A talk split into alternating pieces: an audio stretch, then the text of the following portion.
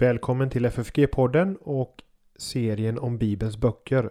Jag heter Jakob Appell och samtalar med FFG-lärare om vad de olika bibelböckerna handlar om. I samtalen så försöker vi att lyfta fram det som är varje bibelboks särskilda ärende också till oss idag. I det här samtalet samtalar jag med Timo Lato om första Korintierbrevet Timo är lärare i Nya Testamentet på FFG. Och vi har i tidigare avsnitt talat om Paulus. Med Timo har jag talat om Romarbrevet och vi har talat om Paulus person och liv i avsnittet om Apostlagärningarna. Så jag tror Tim att vi kan gå ganska direkt på Korintbrevets eh, kontext. När Paulus där skriver till eh, en församling i Korint. Vad kan vi säga om staden Korint? Vilket förhållande har Paulus till staden? Vad är det vi behöver veta? Um, Korint ligger ju som vi alla vet alltså i det nu, nuvarande Grekland. Och det, Korint var alltså en, en jättestor stad. Några påstår till och med att det har funnits eh, 500 000 invånare. Eh, det är kanske lite överdrivet, men, men att eh, i så fall skulle vi ha alltså en lika stor stad som Göteborg egentligen, lite mindre. Men, men alltså att, att på den tiden var Korint en oerhört stor stad. Och det var alltså en, Ehm, ehm, Korint var en hamnstad, egentligen hade eh, Korint två hamn, eh, en mot väster och en, en mot öster. Och, eh, och på det viset hade staden en nyckelposition på alla möjliga sätt egentligen. Och då alltså folket kom in och folket kom ut och, och det var, fanns hela tiden Eh, nya folkgrupper, eh, handlare och alla möjliga människor som kom, kom in och bosatte sig där. Och eh, vi alla vet att, att just alltså en hamnstad där kan livet se ganska... Det kan vara ett, ett syndigt leverne som råder där. Och det var sant just i Korint. Alla sådana synder och laster som vi brukar förknippa med en hamnstad, eh, eh, de var där eh, och särskilt Afrodite dyrkades, alltså kärleksgudinna.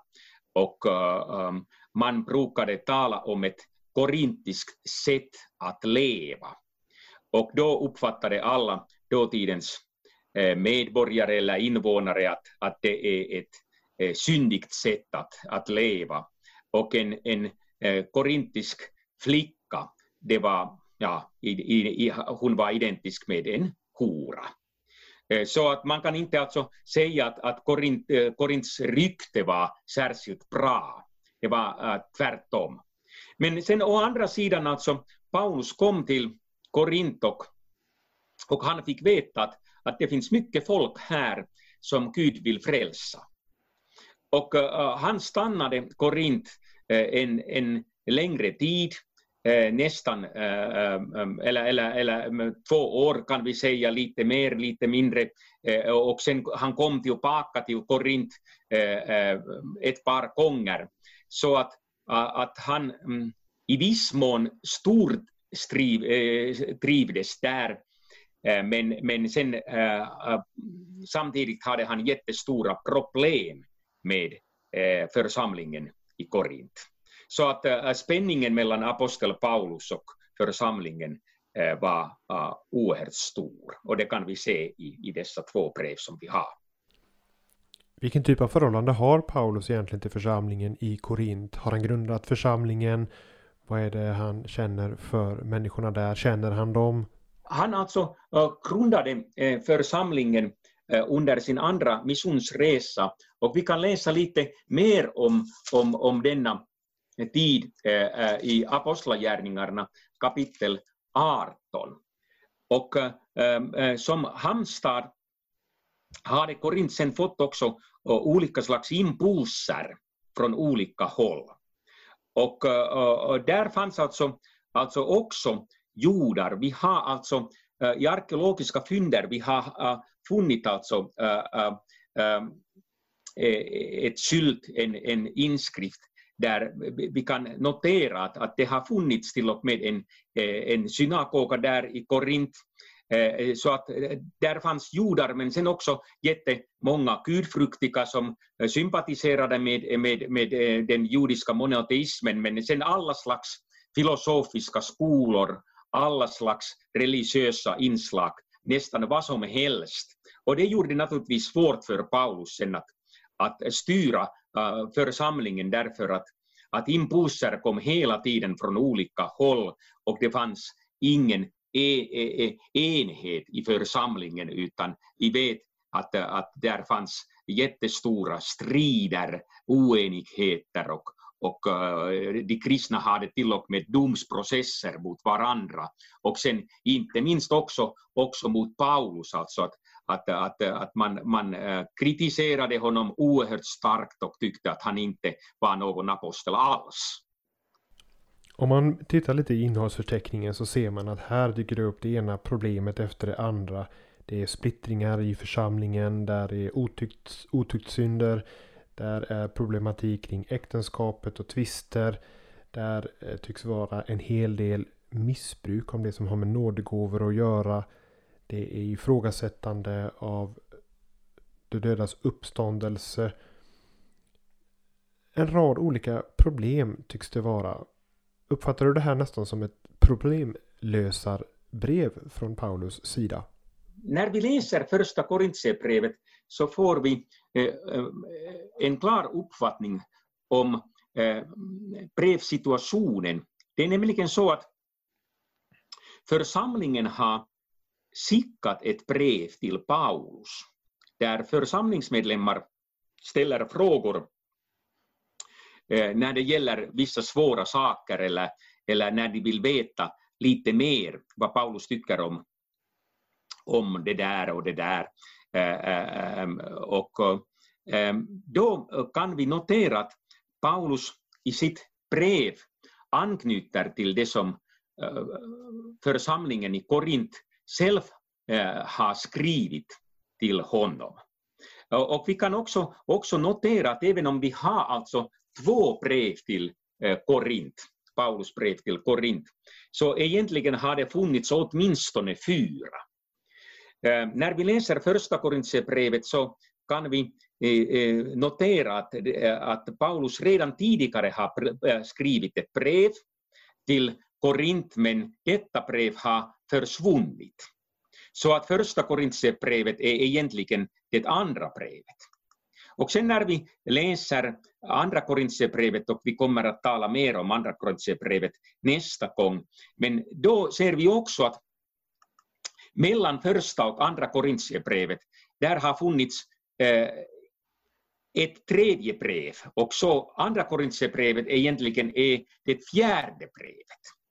Så att uh, på det viset alltså uh, korrespondensen mellan Paulus och församlingen i Korint har varit oerhört livlig. Det har funnits eh, brev som kommer från Paulus till församlingen och brev från församlingen till Eh, eh, Korint och sen finns det eh, Paulus medarbetare som har besökt Korint och, och sen i andra Korintierbrevet säger Paulus att nu är det tredje gången jag själv ska dit.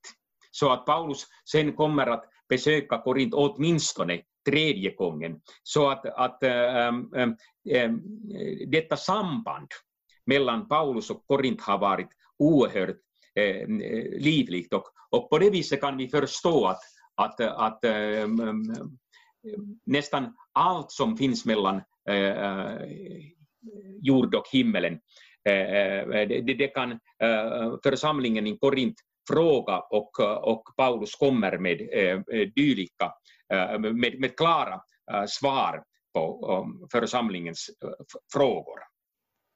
Om du fick göra någon slags rangordning, vilka frågor upplever du att Paulus är mest angelägen om att stryka under och eh, betona?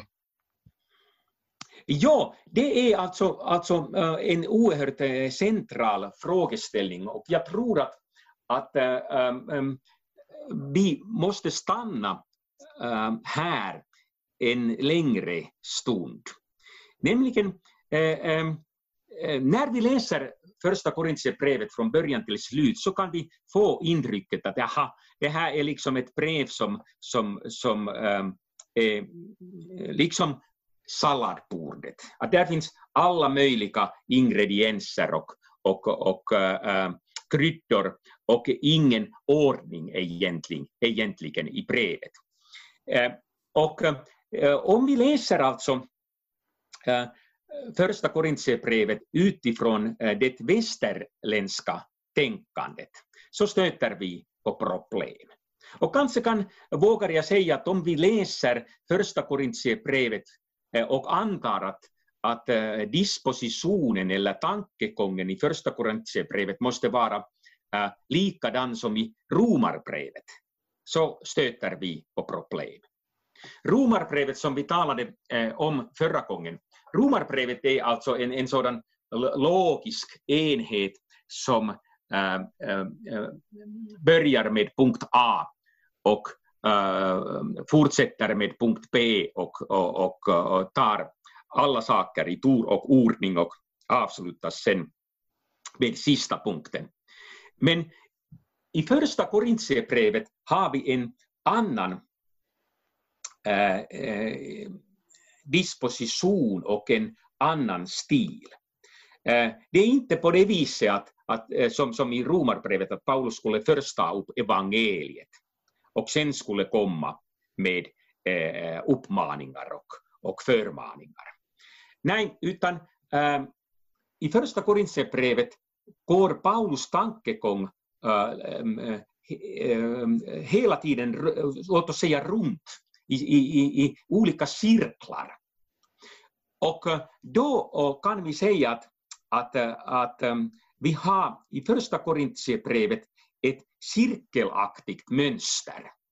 En viss kiasm, och vi kan säga att vi har där alltså uh, uh, en struktur som vi kan kalla ABA. Inte ABBA, men ABA, ABBA. Och uh, Paulus skriver på det viset att han eh, först tar upp ett problem, låt oss säga punkt A. Sen fortsätter han med punkt B för att komma tillbaka till punkt A. Och det gör han flera gånger. Så att han alltså äh, inleder en viss sak med sina tankar och utvecklar sina tankegångar. Sen övergår han till ett närliggande tema och till sist kommer tillbaka till utgångspunkten. Och det är detta som jag kallar ABA. Ehm, jag eh, ger några exempel. Eh, ehm, till exempel om du ser på kapitel 1, 2, 3 och 4, alltså de, första, eh, de, de fyra första kapitlen. Så kan du notera att, att Paulus inleder sitt brev efter alltså eh, uh, självpresentation och efter en tacksägelse också. Han inleder sitt brev med en hänvisning till dessa inre stridigheter i eh, församlingen. Ehm, det råder ingen enighet i själva församlingen. Och det är där i början av kapitel 1 Paulus behandlar eh, denna eh, sak och detta problem. Sen kan vi notera att, att sen, eh senare i kapitel 3 och 4 kommer Paulus tillbaka till dessa inre strider. Han till exempel skriver i kapitel 3 att, att äh, Eh, eh, vers 3, att ni fortfarande är kötsliga så länge det råder avund och strid bland er. Och sen fortsätter han äh, äh, sin redogörelse och han förebrår församlingen. Och det är liksom samma tematik här i kapitel 3 och 4. Men här emellan sen talar Paulus äh, om visheten. Alltså den gudomliga visheten, Eh, vad den, denna vishet innebär. Och vi kan säga alltså att eh, Paulus eh, tankegång är följande. Eh, han menar att dessa inre strider beror på att var och en vill vara klok och, och uh, suverän i, sitt, i sina egna ögon i, sin, si, i sitt eget tänkande. Jag är bäst. Jag är bättre än du. Och jag vet, du vet inte. Och allt detta leder sen till dessa strider och uh, oenighet. Och därför alltså kan vi uh, se här alltså ett klart mönster. Och nu börjar, jag tror, vi börjar inse hur Paulus resonerar här i brevet. Han alltså tar punkt A och det är dessa inre strider i församlingen. Sen övergår han till, till Guds vishet och visar att, att det är ett läkemedel mot dessa inre strider. Men äh, håller ni fast vid äh, ert eget tänkande, håller ni fast vid, det mänskliga, vid, vid den mänskliga visheten, så kommer ni till korta. Och sen kommer Paulus på nytt till sitt äh, äh, äh spörsmål angående eh, eh, oenigheten i församlingen och visar att, att alla dessa problem kan vi lösa om vi ser bort ifrån vårt äh, äh, eget förnuft och vi äh, håller oss till Guds vishet. Då har vi alltså punkt A, B A och hela framställningen hör ihop och då har vi kommit eh, från kapitel 1 till slutet av kapitel 4. En ABA-struktur, det får mig att tänka på eh, avsnittet i kapitel 12 till 14. Det, det, verkar vara på ett liknande sätt här. Där, har, där talar Paulus om nådegåvorna i två avsnitt skulle man kunna säga. Och insprängt däremellan så har vi det som vi kallar för kärlekens lov, eh, kärlekens väg. Eh, uppfattar jag det rätt så att, att på samma sätt som Guds vishet blir medicinen så att säga på de här bekymren med kunskapshögmod och mänsklig visdom. Att på samma sätt så blir kärlekens väg den medicin, den, den, det korrektiv för hur nådegåvorna ska brukas. Inte för att upphöja sig själv utan för att tjäna varandra och bygga upp varandra.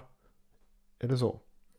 Jo, det är så. Och sen alltså, alltså äh, i kapitel 14 fortsätter Paulus med, äh, med äh, gudstjänstinstruktioner och visar hur ska vi använda Andens gåvor i våra gemensamma sammankomster, inte minst i gudstjänsten. Så att där, du har alldeles rätt, där har vi alltså kapitel 12, 13 och 14 och ABA-struktur åter. Det är alltså Andens gåvor i kapitel 12.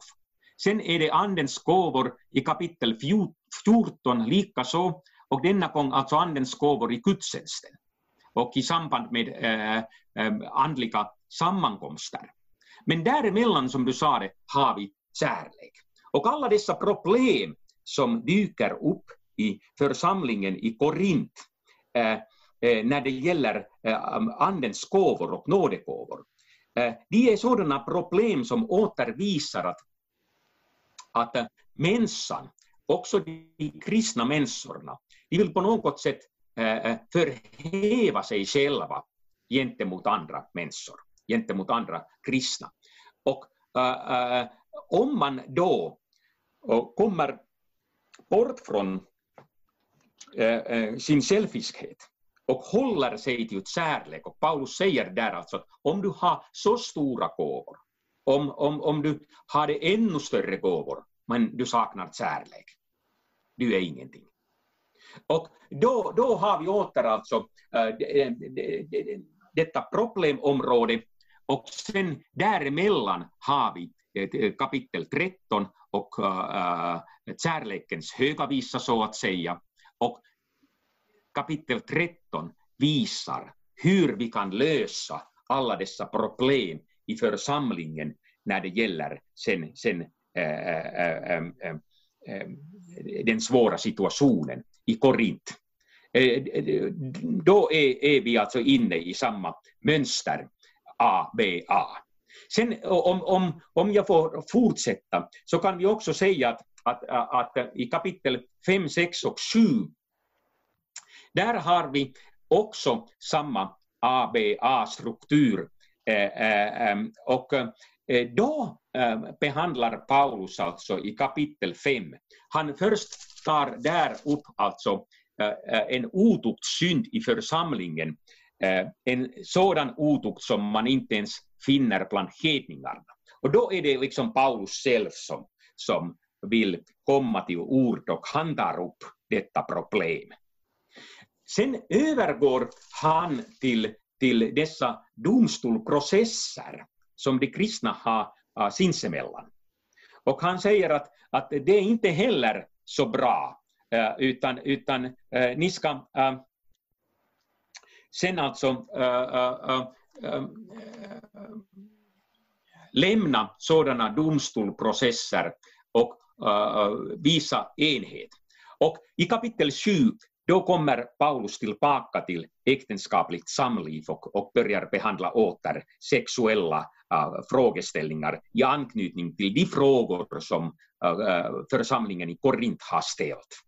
Och här kan vi notera, alltså, här har vi alltså en sådan etisk genomgång, ABA. Vi har alltså äh, sexuella frågor, äktenskapsfrågor i kapitel 5, Sen närmast alltså dessa domstolprocesser i kapitel 6 och sen åter eh, äktenskap, eh, äktenskapsfrågor och sexuella frågeställningar i kapitel 7.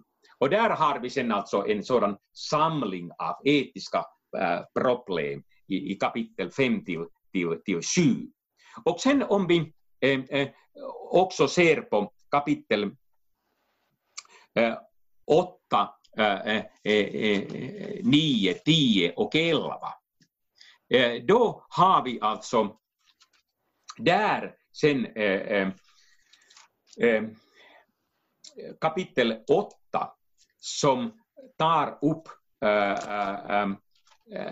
frågan om gudstjänsten, avgudadyrkan och frågan om det är tillåtet att äta avgudaoffer, av avgudaoffer.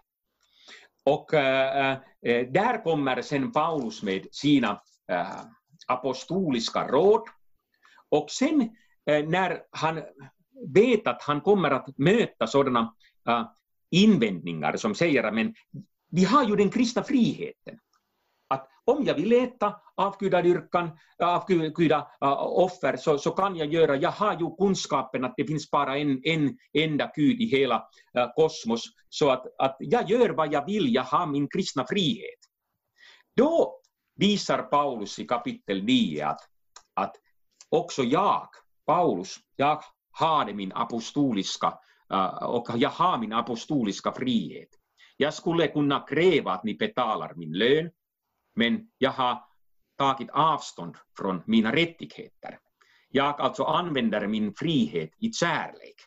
Eh, eh, ehm, eh, äh, äh, äh, jag, jag, jag tar ehm, hand om er. Jag vill inte använda min kärlek mot, min frihet mot er. Och då visar Paulus alltså ett gott mönster, ett exempel. Jag är en förebild för er. Och sen visar han i kapitel 10 hur eh, folket Israel hamnade i avgudadyrkan och sen kommer han tillbaka till, till eh, eh, eh, eh den rätta gudstjänsten. Och i kapitel eh, 11 talar han om, sen, man, om mannens och kvinnans roll i, i, i, i gudstjänstsammanhang eller, eller i, i dessa andliga sammankomster. Så att där har vi sen alltså i dessa fyra kapitel, 8, 9, 10 och 11, vi har alltså punkt A i början och i slutet och det är den rätta och falska gudstjänsten. Och däremellan har vi sen den kristna friheten. Jo, Paulus säger du har den kristna friheten, i princip kan du göra nästan vad som helst, bara du älskar. Men just därför att du älskar så eh, eh, missbruka inte din frihet Eh, utan, utan eh, ta hand eh, om dina medmänniskor, medkristna och älska dem så att din frihet inte blir till dem till fall. Så, så, att ni märker också här att det finns alltså denna ABA-struktur. Men och sen i kapitel 15, där har vi sen detta stora kapitel om uppståndelse. Och sen kommer äh, slutkapitlet kapitlet, äh, kapitel 16. Att vi kan säga äh, um, sammanlagt att det finns egentligen alltså fyra rundar här i kapitel, i, i, i första ähm, äh, Korinter, Korintierbrevet. Äh, äh kapitel 1 till 4, första runden, kapitel 5 till 7, andra runden, kapitel 8 till 11, tredje runden, kapitel 12 till 14, fjärde runden. Sen kommer detta stora kapitel om uppståndelse och det sista kapitlet, kapitel 16. Och då är hela brevet äh, äh, avslutat. Och vi märker alltså att det finns alltså en oerhört Eh, fin disposition i brevet. Eh, eh men denna gång tänker Paulus på ett annat sätt än i Romarbrevet. Nu skriver han inte alltså en sådan, låt oss säga en, en sådan linjär framställning, utan han skriver en sådan cirkelformig eh, framställning och eh, eh, tar upp denna eh, cirkel eller eh, det cirkelaktiga mönstret fyra gånger och avslutar hela brevet med uppståndelsen, frågan om uppståndelsen. Och det är hans sätt att sen, sen äh, äh, skriva äh, detta brev denna gång. Men vad intressant. Du får alltså ett en struktur som bygger på de här cirklarna eller rundorna. ABA-strukturer där man får fatt på ett, ett centrum i, i, i de olika problemfaserna. Eh, ett Guds eget centrum. Så till exempel i den första problemlösningen där med, med splittringen, med schismer, eh, olika partier. Så blir Guds vishet lösningen, vägen fram. Och i avsnittet om nådegåvorna så är inte lösningen att försöka jämka, hitta olika lösningar utan att lyfta fram kärlekens väg, Guds kärlek som vägen fram i problemsituationen. Ja, och, och, och eh, jag tror att, att även om det här nu alltså är en, en sådan um, um, ganska teoretisk genomgång, genomgång av Eh, brevets struktur. Eh, jag tror att vi alla märker eh, ganska snart att, att det här är ett oerhört viktigt hjälpmedel att förstå brevet.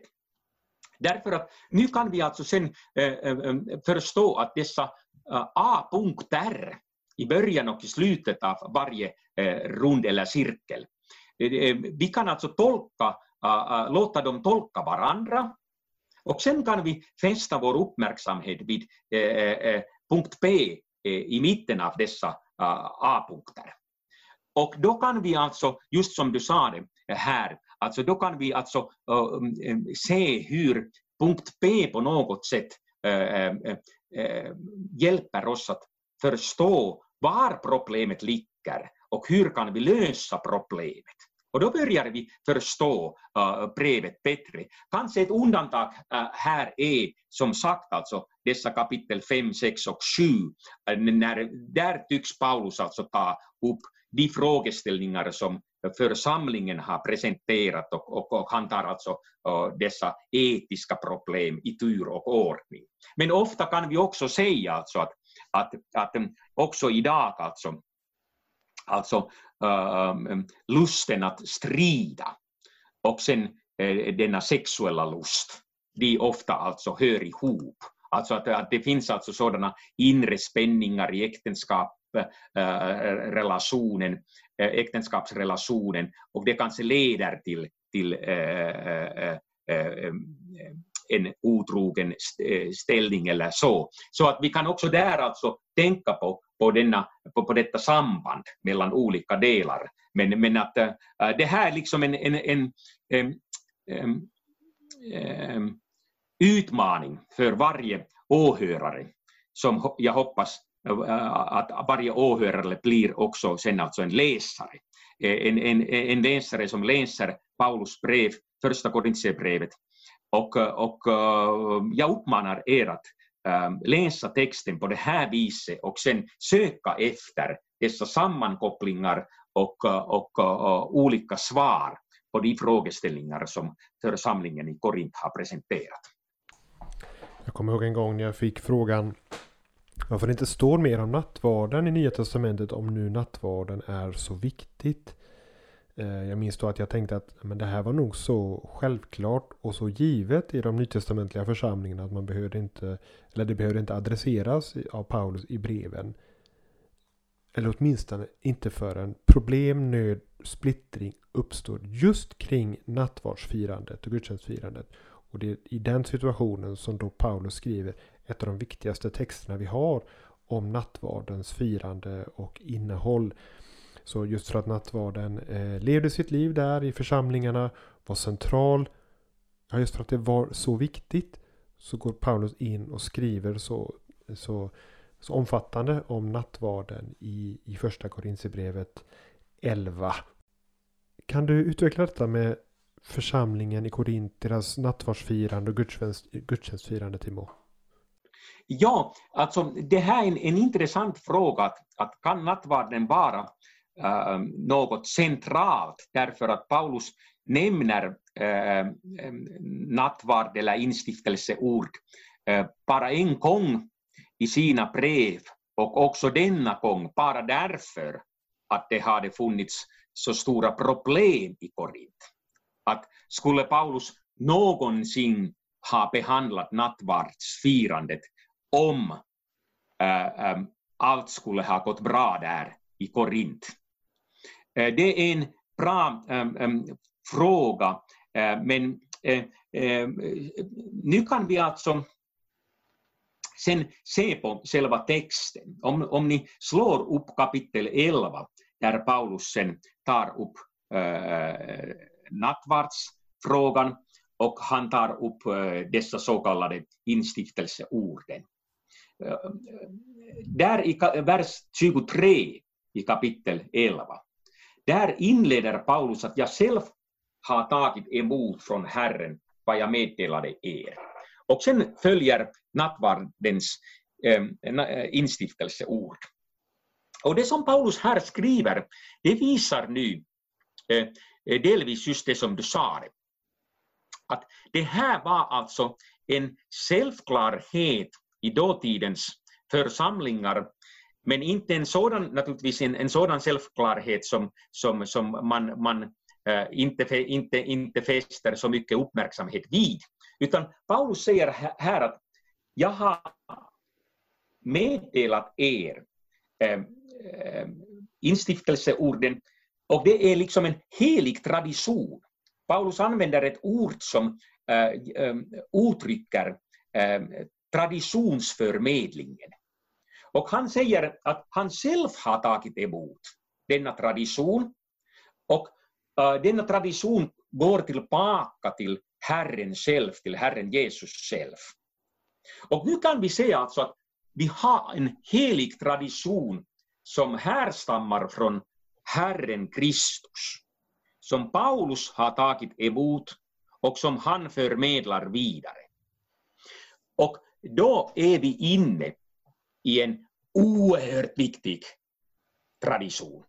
Det här är alltså en tradition som eh, härstammar från Herren själv och som förmedlas till alla församlingar så att till och med en eh, eh, närmast en hednisk församling i Korint tar emot denna heliga tradition och alla församlingar fick ta emot det här. Liksom Paulus så också alla andra och Paulus, ähm, ähm, det är hans ähm, ära att förmedla, heder att förmedla denna tradition vidare.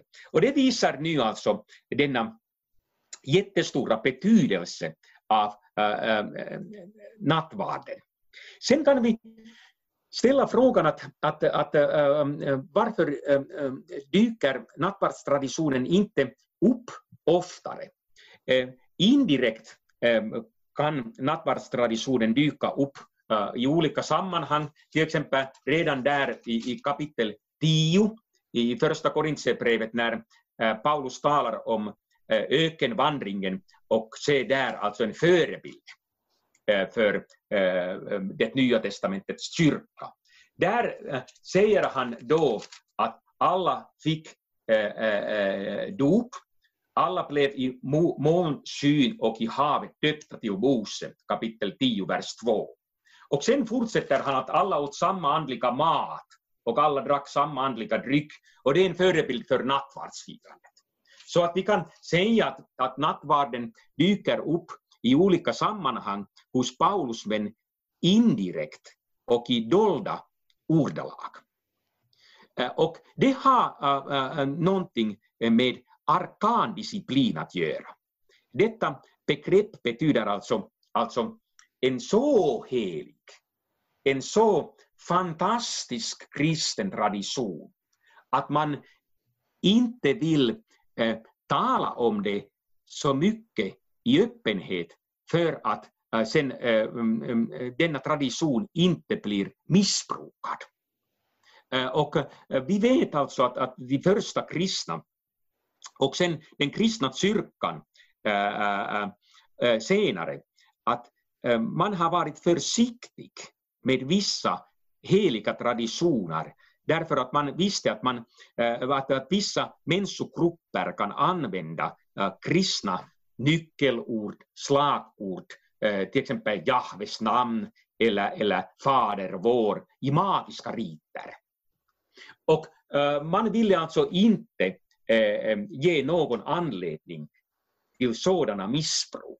Och det är därför Paulus är försiktig med nattvardstraditioner. Men som sagt, denna tradition härstammar från Herren och Paulus själv har tagit emot traditionen och Paulus själv förmedlar traditionen till alla sina församlingar. Så att nattvardsfirandet är alltså en oerhört viktig Eh, tradition och, och, och, och eh, alltså en, eh, en viktig del av gudstjänstfirandet då för tiden och idag. Så att vi, här kan vi säga egentligen att less is more. Och, och, det, det, här, den här principen gäller just i denna fråga. Ju mindre Paulus talar om nattvarden, desto viktigare enat nattvarden. Det, det är paradoxalt, men, men det här är sant. Less is more. På tal om heliga traditioner så kommer jag att tänka på första Korinthierbrevet 15 där Paulus säger Jag meddelade er det allra viktigaste, vad jag själv hade tagit emot. Och så räknar han upp att Kristus dog för våra synder enligt skrifterna, att han blev begravd, uppstod efter skrifterna och så vidare. Här kommer han att säga vad han menar vara det allra viktigaste. Det har med Jesu korsdöd och hans uppståndelse att göra. Och att det här är det som han har tagit emot. Det här hör till den heliga tradition som, som han bär med sig. Och då får man denna uppfattning att när han då har tagit emot det viktigaste så förmedlar han också det viktigaste. Och det handlar om Jesu uppståndelse från de döda. Uppståndelsen hamnar inte här i en periferi.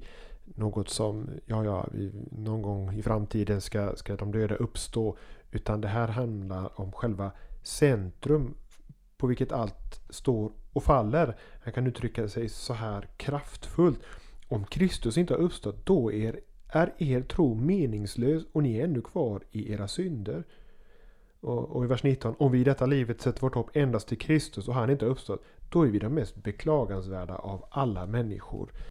Timmen, vad är det med denna viktiga heliga tradition där allt tycks stå och falla med Jesu uppståndelse från de döda.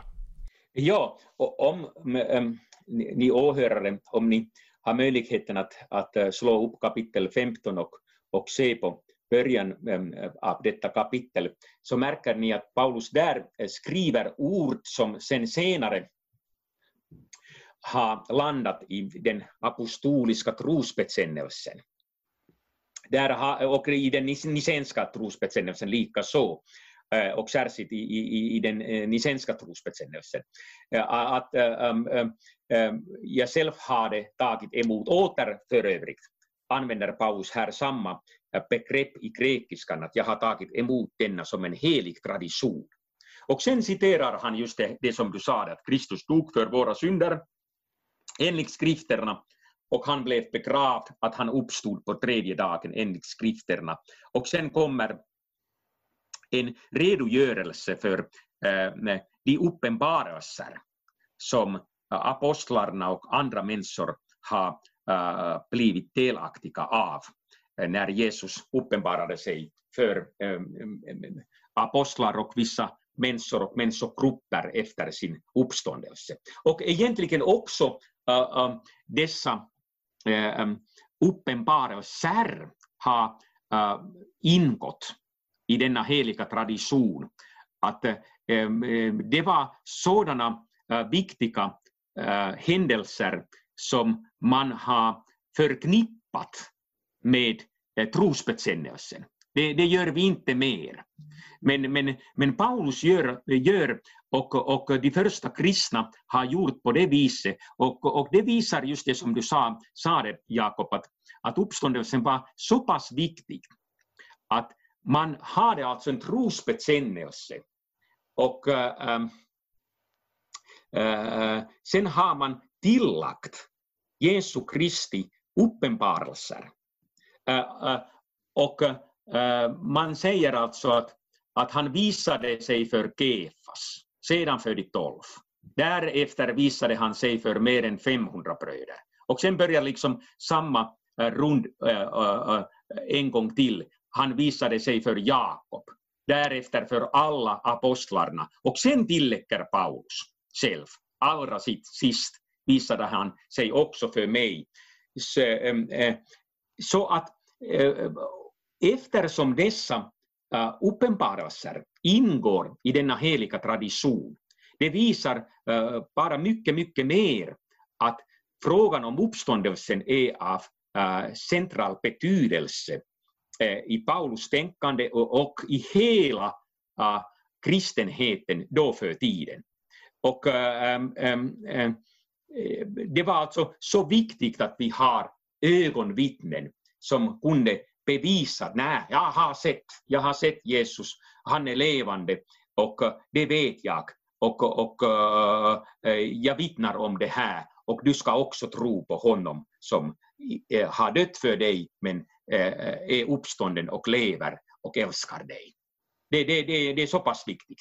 Så att vi kan alltså här se till och med alltså en, en skillnad mellan dagens kristendom, dagens kyrka och eh, dåtidens kristendom, dåtidens kyrka, att eh, dåtidens trosbekännelse eh, har um, omfattat dessa speciella uppenbarelser som, som vi inte mer har i vår apostoliska trosbekännelse eller i den nisenska trosbekännelse. Men naturligtvis har vi sen denna Äh, tanke på själva uppståndelsen. Vi, vi bekänner att, äh, att Jesus Kristus äh, sannerligen är uppstånden. Så att, att i, i detta avseende är, är det ju fråga om samma, samma sak och samma, samma lära. Men det, det, jag tycker att det, det, det, är intressant och det bara äh, understryker det som Jakob sa, att det här är så oerhört viktigt. Här finns så otroligt många stora och viktiga frågor, intressanta texter. Men tiden börjar gå mot sitt slut så vi får försöka att avrunda här. Eh, jag minns ifrån min ungdom att det var särskilt två avsnitt som särskilt lyftes fram och, och, och väckte mycket tankar och funderingar för mig som ung. Dels var det texterna om nådegåvorna och den karismatiska förnyelsen som, som fanns där i min närhet. Och så var det frågan om detta med kvinnliga präster och den stridsfrågan som bland annat första Korinthierbrevet 14 adresserade. Om du försöker sätta, dig in, eller sätta oss in i situationen som Paulus adresserar i Korint, församlingen där, nådegåvorna, det karismatiska uttrycket, ordningen i församlingen. Vad är det han ser framför sig och vad är det han adresserar? No, åtminstone kan vi säga att det, det, det, det, har, eh, det råder alltså en fullständig kaos i församlingen, eh, eh, i, i kyrkan i, i Korint. Och det kan vi notera också i svenska kyrkan och i finska kyrkan nu för tiden. Alltså att vem vet vem har rätt? Det finns olika slags tankegångar, det finns eh, heresier, det finns eh, laster och synder och, och ingen tycks veta eh, eh sanningen. Och nu, det som Paulus sen alltså gör här, och det som han gör till exempel här i kapitel 15, vi talade sist om, om, om, om, om detta kapitel, så, alltså, så skriver han där i, i kapitel 15, vers 11 att vare sig det gäller mig eller de andra, alltså han talar om apostlarna och alla de som vittnar om Jesu Kristi uppståndelse som har en, en prästtjänst i, i, i dåtidens kyrka. Vare sig, vare sig det gäller mig eller de andra så förkunnar vi detta. Och det är detta ni har kommit till tro på.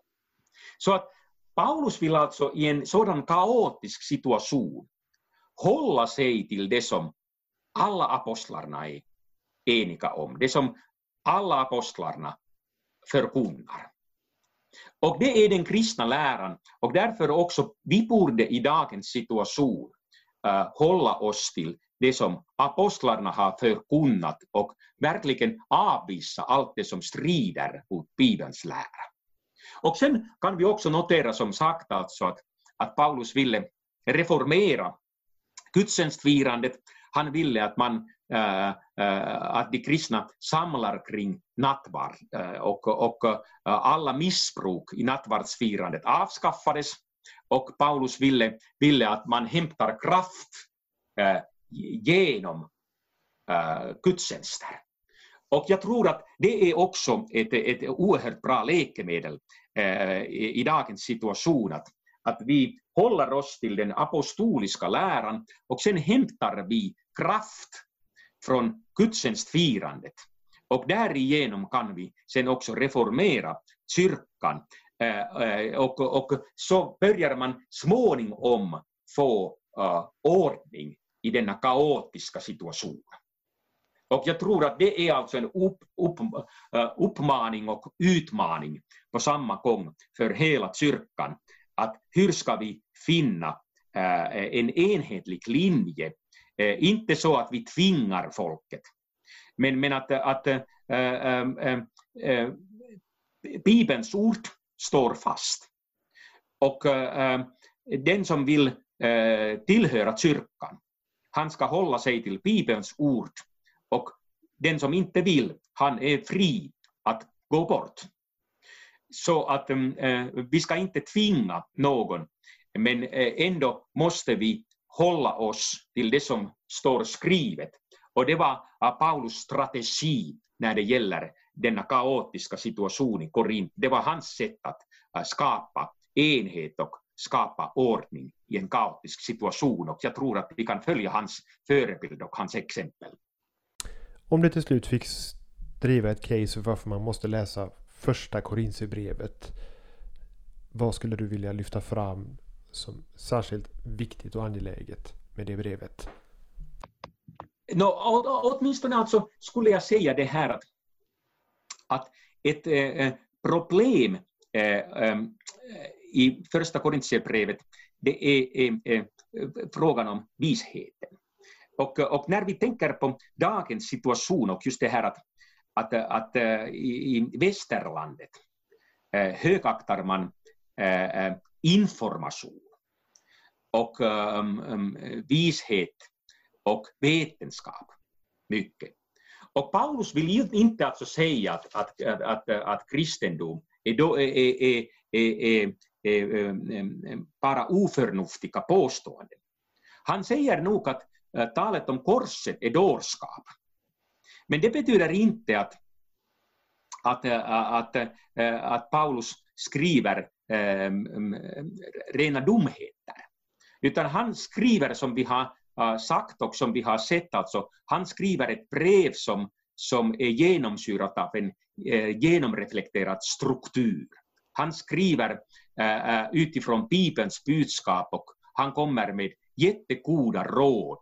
Eh, och eh, då kan vi notera att, att eh, i ett samhälle där man högaktar den världsliga visheten, då har kyrkan uppgiften att förkunna äh, Guds vishet som äh, uppfattas som dårskap i världen, men som ändå sen visar sig att vara äh, klokare än äh, äh all världslig vishet. Och det är alltså kyrkans uppgift att förkunna det som står skrivet. Och så småningom börjar folket inse att kyrkan, ja, kyrkan ändå har det rätt. Och, äh, och det som Gud säger i sitt ord, det är verkligen, äh, den har mycket, mycket större betydelse än all världslig vishet och egentligen det enda som har någon betydelse alls, det är Guds ord. Så att jag tror att, att just alltså i en, en sådan situation som vi befinner oss i idag, eh, då eh, har första Korintierbrevet mycket att säga. Att hur ska vi komma vidare eh, i en, en sådan kultur där vetenskap och den världsliga visheten tycks råda och ha monopol på all eh, vishet. Eh, då är det dags att läsa första Korintierbrevet och därigenom finner vi eh, en utväg från denna återvändningsgränd. Tack Timo och tack till dig som har lyssnat på det här avsnittet. Vi hoppas att det här, den här introduktionen till första Korintierbrevet kan få vara till inspiration för eget studium av detta viktiga Paulus brev. I nästa avsnitt så samtalar Timo, du och jag igen om andra Korintierbrevet. Vill du stödja den här typen av genomgångar i FFG-podden så kan du göra det enkelt med en swishgåva till swishnummer 123 100 8457. Märk ovan FFG Podcast. Fler resurser, inspelningar, artiklar och annat finns på hemsidan ffg.se. Det är fritt att använda det.